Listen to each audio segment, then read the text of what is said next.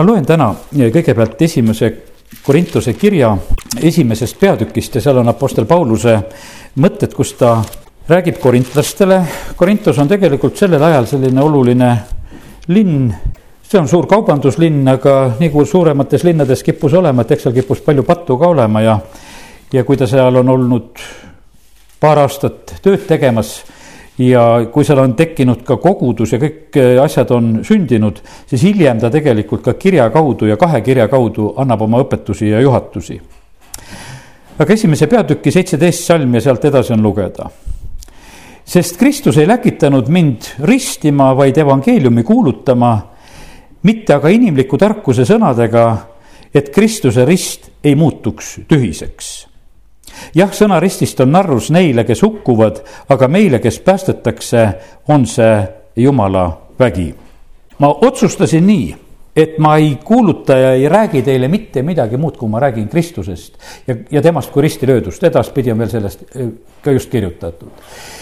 Tal oleks kindlasti olnud rääkida, sest ega Paulus ei olnud rumal mees, variser, õppinud mees, tal oleks teadmisi, tal oleks rääkida rahvuse poolest juut kodakondsuse poolest roomlane, eh, haritud mees, tarkust kui palju ja sellepärast see mees oleks võinud rääkida ja rääkida ja nüüd Kristuse koha pealt ta teeb sellise otsuse, et tema tuleb ja räägib, et ma ei taha nagu mitte midagi muud teada temast kui, eh, kui Jeesust kui risti löödut ja ma räägin teile just ainult niimoodi.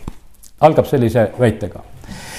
ma usun seda, et Soru on ka selline hea koht, siin on niimoodi, et mälumängurid käivad ka koos ja vaata, on iga selline, ütleme, kuulsus, et, et on miski, noh, Mendelejev tuleb ikka, mõtled, et kuule, see tabel, millega ta hakkama sai, et, et noh, et millegagi seostud ja niimoodi on need selle maailma sellised suured isikud, kes on olnud, nad nagu seostuvad meile millegiga, mida nad on korda saatnud.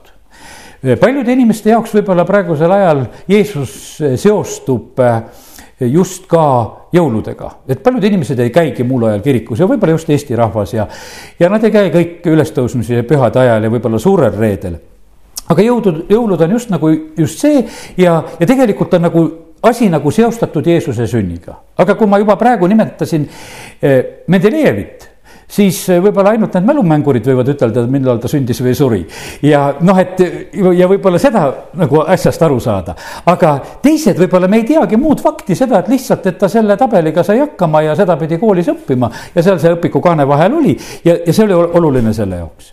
ja siis nüüd järgmine nagu küsimus, et, et aga mida ütleks mälumängur selle peale, kui küsid Jeesusest?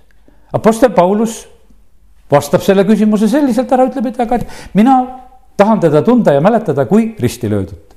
oleks võinud ju mäletada ühte kui teist te, tema tegevust ja jutlusi ja kõike, mis oli võib-olla levinud ja kuuldud, aga ta paneb nagu selle kõige olulisema selle asjale pihta ja ütleb, et tegelikult see oli see kõige olulisem ja tähtsam asi. ja sellepärast tahaks samamoodi soovida ka, et eh, meie jaoks oleks tegelikult Jeesus tuntud eh, tema surma ja ta kannatuse kaudu ja, ja see ei olnud kindlasti sellel esimesel sajandil mitte mingisugune selline täiesti meeldiv jutt vanem tõlge, kuuekümne kaheksanda aasta piiblitõlge ütlebki sedasi, et kui Paulus seda väljendab, ta ütleb, et, et see on jõledus. see jutlus on jõledus, et jumal on otsustanud jõleda jutluse kaudu päästa see on rumalus, ütleme, et siin uuem tõlge pani natukese nagu viisakama sõna, et mitte nii ütelda. ja, ja sellepärast on see nii, et aga tegelikkuses on see nii, et, et mida tuletatakse meelde, sellepärast et ei olnud rist sellel ajal veel mitte mingisugune püha asi. rist oli kõige tavalisem hukkamise koht ja kui nüüd Paulus kuulutab ja räägib, ütleb, et mina tuletan meelde risti löödud Kristust. meie kiitleme sellest, et tema on ristil surnud, me kiitleme seda, et ta on kurjategijana surma mõistetud, me kiitleme temast, et ta on surnud ja ta on üles tõusnud, me räägime temast. see on meile kõige tähtsam asi. siis see tegelikult oligi nii, et, et see tundus nendele, kes siis kuulajad kuulajad olid, et see on midagi väga rumalat. aga ma loen edasi Pauluse mõttekäiku, et mitte teda jutustada, sest on kirjutatud, ma hävitan tarkade tarkuse, teen olematuks mõistlikke mõistuse, kus on tark kus on õpetlane, kus on selle ajastu arutleja, kas mitte jumal pole teinud maailma tarkuse narruseks? kuna maailm jumala tarkuses ei tundnud jumalat ära tarkuse abil, siis oli jumalale meelepärane päästa see maailm narri kuulutuse kaudu, kes usuvad. sest juudid tõuavad tunnustähti ja kreeklased otsivad tarkust. aga meie kuulutame risti löödud Kristust, kes on juutidele ärrituseks ja paganaile narruseks. ent meile, kes on kutsutud, olgu juutidele või kreeklastele, on ta Kristus, Jumala vägi ja Jumala tarkus. sest Jumala narrus on inimestest targem ja Jumala nõtrus inimestest tugevam nii et nii tugevalt tegelikult Apostel Paulus väitleb nagu selle teemaga, et ta julgeb tulla selle kuulutuse ja jutuga välja seal oli juutidel oma, eks juudid tahtsid tunnustähti, kreeklased armastasid tarkust ja, ja tegelikult, kui siin nüüd kreeka keeles seda sõna lugeda, kus kogu aeg see tarkus on öeldud, siis seal on kogu aeg see soofia. Et ma oleksin võinud tulla mingisuguse soofiaga, tuled mingi filosoofiaga peale, et küll see siis oleks inimestele nagu olnud tark kuulata. aga ta ütleb, et ma ei tule mitte mingisuguse selliste inimliku tarkusega, vaid ma tahtsin rääkida teile Kristusest kui ristilöödust. ja, ja sellepärast nii see on, et väga tähtis on, et et see jõuaks meile ka kohale. ja, ja tõsi ta on, et ega see minu lapsepõlve lugu, kui mina ühel jõuluõhtul tõesti imet-, imestasin seda, et miks poiss loeb jõuluõhtul, jõululaupäeva õhtul talle verest salmi, see oli Moostes Jaanimõisa palvelas, kus me, ma lapsepõlves siis olin. Ja noh, seal oli nii, et see paki andmine oli tegelikult minule, mina ei julgenud salmi ütelda. minu salmi ütlemata rahva hulgast tuleb poiss, ütleb selle salmi. Ja ma mäletan, et ta loeb selle salmi, mis räägib talle verest. Ja minul lapsena maalt nii selged pildid, naaber talus, kuidas lambal pea läheb maha veri voolab, noh, talle veri, lammas, no minul oli see kõik selline. ja ma mõtlesin, no mis jutt see nüüd on niimoodi jõuluõhtul hakkab siin see poiss rääkima mingit salmi ja räägib sellest lamba tapmisest. et noh, see oli minule selline otsene selline mõte ja olin kasvanud kristlikus kodus ja mul ei pannud see mitte mingisugust kokku veel sellel hetkel, et, et Jeesus see tall on. hiljem jõudis see mulle kokku, et, et seal on juttu Jeesusest ja sellest tallest. ja sellepärast, et ega mina, minul oli niimoodi, et meil oli koguduses oli noh, see lauluraamat oli talle kiituseks talle kiituseks. Ja mina rõhutasin alati seda selliselt, et noh, temale kiituseks. Talle kiituseks, aga tegelikult oli see lauluraamat kirjutatud selle jumala talle kiituseks. et see oli talle kiitus, et hoopis teise rõhuga peaks ütlema. Ja see ja sellepärast on see nii, et, et kuidas sa sellest aru sai, nii sa rõhutasid ja, ja sellepärast ja see asi peab jõudma kohale. Apostel Paulusel oli risti löödud Kristus jõudnud kohale kui kohale ja sellepärast ta ütleb, et korintlaslased, mina ei tule teile mitte mingisuguse muu tarkusega. ma räägin eh, Kristusest teile kui risti löödust, sest tegelikult seal on teile lahendus. no mis lahendus on ristil? no kes me teame juba, eks, pattude andestus on meile ristil. Eh, haigused, need asjad tehti korda ristil. needused mis me veel õppisime? et meie vana inimene on ka üheskoos temaga risti löödud, nii nagu me räägime, et saame ennast ära salata, saame selle vana loomuse risti lüüa, saame teha selle kätega tehtamatu ümberlõikamise ei ole paha, kui me neid erinevaid termineid eh, nagu nimetame, sest et võib-olla ühel päeval nad kuidagi jõuavad kohale ja, ja saamegi aru, millest on nagu jutt. ja, ja sellepärast tulengi nüüd eh, prohvet Jesaja raamatu juurde, prohvet Jesaja raamatu viiekümne kolmandas peatükis. prohvet Jesajat ikka tsiteeritakse, kui, kui mõeldakse Jeesuse sünnile, sest ta kuulutas Jeesuse sündi ette. aga ma täna loen eh, Jesaja raamatu viiekümne teise peatüki mm, neljateistkümnendast salmist ja sealt edasi. nagu paljud kohkusid tema pärast, nõnda rikutud ebainimlik oli ta välimus. ja ta kuju ei olnud inimlaste taoline nõnda ehmatab ta paljusid rahvaid, kuningad sulevad tema pärast suud, kuid mida neile ei ole jutustatud, seda saavad nad näha, mida nad ei ole kuulnud, seda nad saavad teada. kes usub meie kuulutust ja kellele on ilmutatud issanda käsivarss? sest ta tõusis meie ees nagu võsuke, otse kui juur põuasest maast. ei olnud tal kuju ega ilu, et teda vaadata, ega olnud tal välimust, et teda ihaldada ta oli põlatud ja inimeste poolt hüljatud, valude mees, haigustega tuttav, niisugune, kelle pealt silmad ära pööratakse. ta oli põlatud ja me ei hoolinud temast. ent tõeliselt võttis ta enese peale meie haigused, kandis meie valusid, meie aga pidasime teda vigaseks, jumalast nuhelduks ja vaevatuks. ent teda avati meie üleastumiste pärast, löödi meie süütegude tõttu karistus oli tema peal, et meil oleks rahu ja tema vermete läbi on meile tervis tulnud. lõpetan siin kohapeal selle prohveti kirjelduse tegelikult Kristuse kohta. ja, ja see on nii täpselt tegelikult, mis on räägitud Jeesuse kohta. jah, inimesed võtsid Jeesuse teatud perioodil suure vaimustusega vastu. kui ta rääkis häid jutlusi, kui ta leiba paljundas, kui ta tegi imetegusid, kui ta haiget tervendas, aga ühel päeval oli jõudnud kätte see aeg, kus tegelikult oli Jeesus põhimõtteliselt ka rahvade hulkade poolt hüljatud. asi läks nii kaugele, et nad said ju seal Jeruusalemmas selle rahva, kes oli paasapühadeks kokku tulnud, kõik karjusid, löö ta risti, löö ta risti, kõik hülgasid. On risti all, mõnitavad ja ütlevad, et noh, kui sa oled see jumala poeg, noh, siis me usuksime, kui sa sealt alla astuksid. et no miks sa seal surema pead, kui sa oled, üks röövel ka veel kõrval pilkab sellesama mõttega. ja tegelikkuses oli nii, et, et keegi nagu sellel hetkel enam ei hoolinud, ei mõistnud.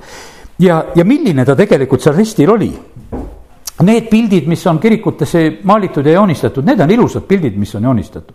võib-olla see Mel Gibsoni film eh, meile annab natukese nagu mõõtu sellest, et, et kui sa oled ikka korralikult juba seal mõnitatud, pekstud, roomlaste poolt pekstud, ega nad siis midagi nalja, need sõdurid seal ei teinud, kõik need hoobid kätte saanud, eh, okaskroonid, värgid sulle pähe eh, vajutatud sisse.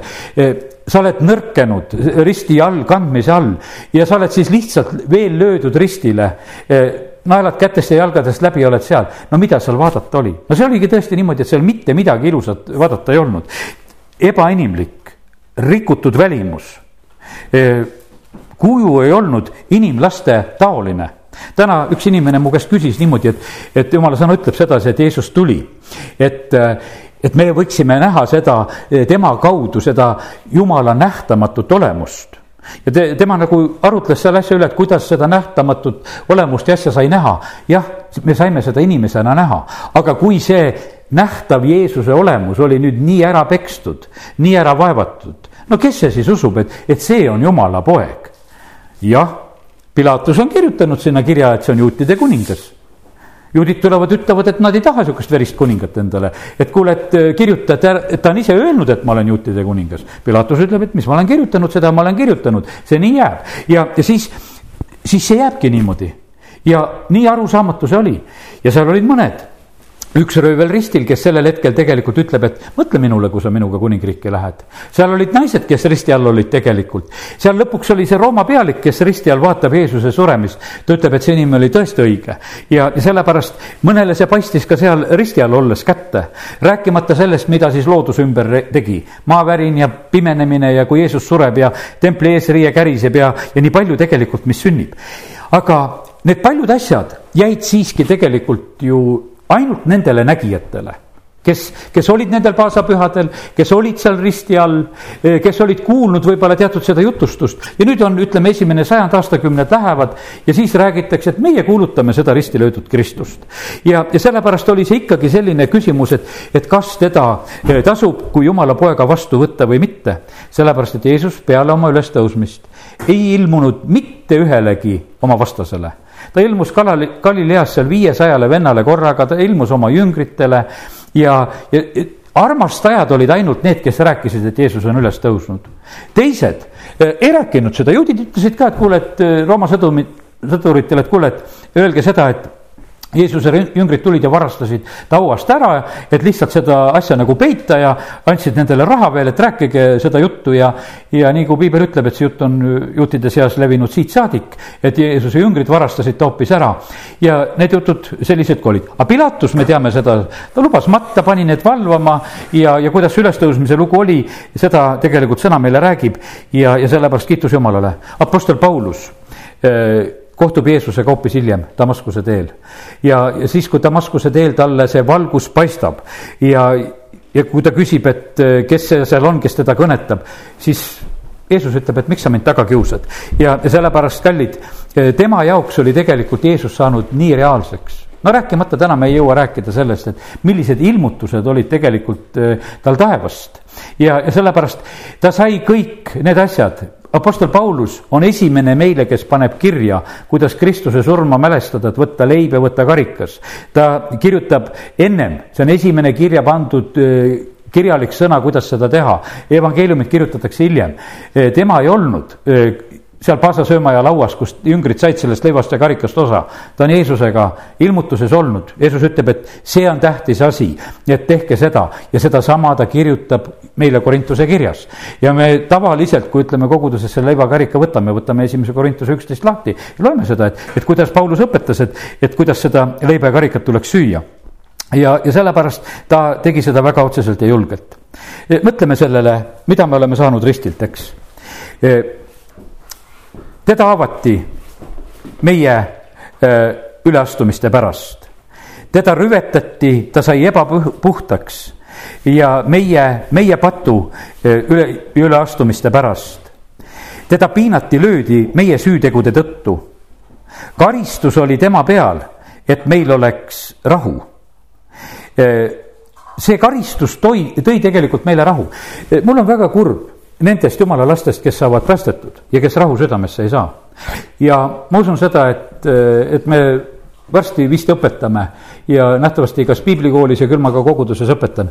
ma näen sedasi, et on vaja õpetada lunastusest, et me mõistaksime, et meid on lunastatud, et meie eest on kõik makstud et meil ei ole mitte mingeid võlgu. me kogu aeg mõtleme sedasi, et noh, me peame jumal sinu ees kangesti tublid olema. kui meie karistus kõik on kantud, no millega sa siis veel pead enda enda eksimust õigustama jumala ees, mitte millegagi. kui on öeldud, et on kõik andeks antud, siis on kõik andeks antud. me ei pea siis vabandama seda, mida vabandama ei pea. ja, ja sellepärast, kui on kõik andeks antud, on kõik andeks antud. karistus oli tema peal, et meil oleks rahu tema vermete läbi on meile tervist tulnud. eks me püüame jõudumööda eh, seda ka kätte saada. täna rääkisin, et meie suu on see mõõk kui me seda räägime ja ütleme välja, siis tegelikult see paneb selle asja nagu toimima. ja, ja sellepärast on see, mida me südames usume, suuga tunnistame, need asjad tegelikult saavad meile. ja sellepärast kiitus Jumalale, et me oleme saanud seda kogeda, et kuidas tegelikult eh, Jeesuse vermete läbi on meile tervis tulnud ja prohvet kirjutab juba seda siis. Apostel Peetrus kordab seda oma kirjas üles, kõik see käib juba sellises, sellises vormis, et see on juba sündinud asi. ja sellepärast me võime selle lihtsalt usus, usus vastu võtta ja tunnistada ja rääkida eh, ka kõik, meie kõikide endi kohta seda ise.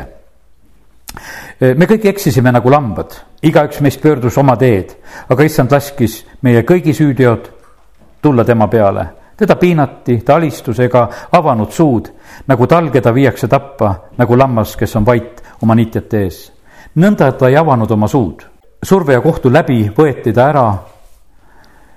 kes tema sugupõlvest mõtles sellele, et ta lõigati ära elavate maalt? teda tabas surm mu rahva üleastumiste pärast. temale anti aud õelate juurde, kurjategijate juurde, kui ta suri, kuigi ta ei olnud ülekohut teinud ega olnud pettust ta suus. temale anti aud, vene keeles on öeldud rikaste juurde, rikaste juure, juurde ta maeti. kuigi ta ei olnud ülekohut teinud, ei olnud pettust ta suus. issand arvas heaks teda alandada haigustega. kui ta iseenese on andnud süüohvriks, saab ta näha tulevast sugu, ta elab kaua, issanda tahe teostub tema läbi. pärast oma hinge vaeva pärast oma hinge kangelastegu saab ta näha valgust ja rahuldust tunda. oma tarkusega teeb mu õiglane sulane paljusid õigeks, sest ta kannab nende patusüüd. seepärast ma annan temale osa paljude hulgas. ta jagab vägevatega saaki, sest ta tühjendas oma hinge surmani. ja ta arvati üleastujate hulka. temaga kandis paljude patu ja seisis üleastujate eest ja kui see ilmutus ja pilt meile saab nagu selgeks, Apostel Paulus tegelikult äh, ütleb enda kohta, et ma, see kõige viletsam, see kõige kõlvatum tegelikult apostlite hulgast, aga mille ta oli tegelikult selgeks saanud, ta oli selgeks saanud selle, et Jeesuse kaudu talle on kõik tulnud. kui ei oleks meil apostlite, apostel Pauluse poolt kirjutatud sõnumeid, ja Rooma kirjas ja Korintuse kirjas ja, ja kõigis nendes kirjades, mis on kirjutatud, ei oskaks meie Jeesust sellisena tunda. ja sellepärast on see niimoodi, et tema oli see, kes seda risti löödud Jeesust joonistas, et see oleks inimeste südamelauakestele joonistatud, et me mõistaksime, saaksime aru, sest seal on meie lahendus. ja sellepärast ütlen täna veel, jõulud on ilusad asjad, saame süüa-juua, on meeleolu, on ilusad laulud, aga kui Jeesus ei oleks oma lunastuse tööd teinud, ei oleks nendel jõuludel ka mitte mingisugust mõtet sellepärast täna, kui me tegelikult mõtleme sellele, mida Jeesus on teinud, Jeesuse elu väärtus, ausse ülendamine sai selle tõttu, mida ta Kolgata ristil tegi, mitte selle imelise sünni läbi. isegi mitte selle sünni läbi, et ta pühast vaimust sündis. mitte need pole need tähtsad asjad olnud. ta ütleb ristil, see on lõpetatud ja see, kui see sai lõpetatud, siis on meie jaoks asi valmis, millest me saame kinni hakata. nii et olge väga õnnistatud ka selle jõuluajal ja ärge kartke, kui jõuluajal olen palunud ise, et annaks Jumal kõigile kirikuõpetajatele ja kõigile, kes kuskil iganes suu lahti teevad, et nad lihtsalt ei räägiks ühte lihtsalt jõulurahu juttu, vaid nad oskaksid Kristuse risti alla inimesed juhatada, kus tegelikult tuleb pääste. ja, ja siis võib olla see nii, et inimene saab jaani ajal, jaanipäeva ajal päästetud, tunneb selle Jeesuse ära, aga muid laule ei tunne. seda on olnud elus niimoodi, et ainult jõululaulud on tuttavad ja siis laulab jõululaulu. sellepärast mitte midagi muud laulda ei oska oma Jeesusele. ja sellepärast vahet ei ole, laula siis jaanipäeval jõululaulu, kui sa oled päästetud ja aga tunne rõõmu jõuluajal sellest, et Kristus on ristil surnud. aamen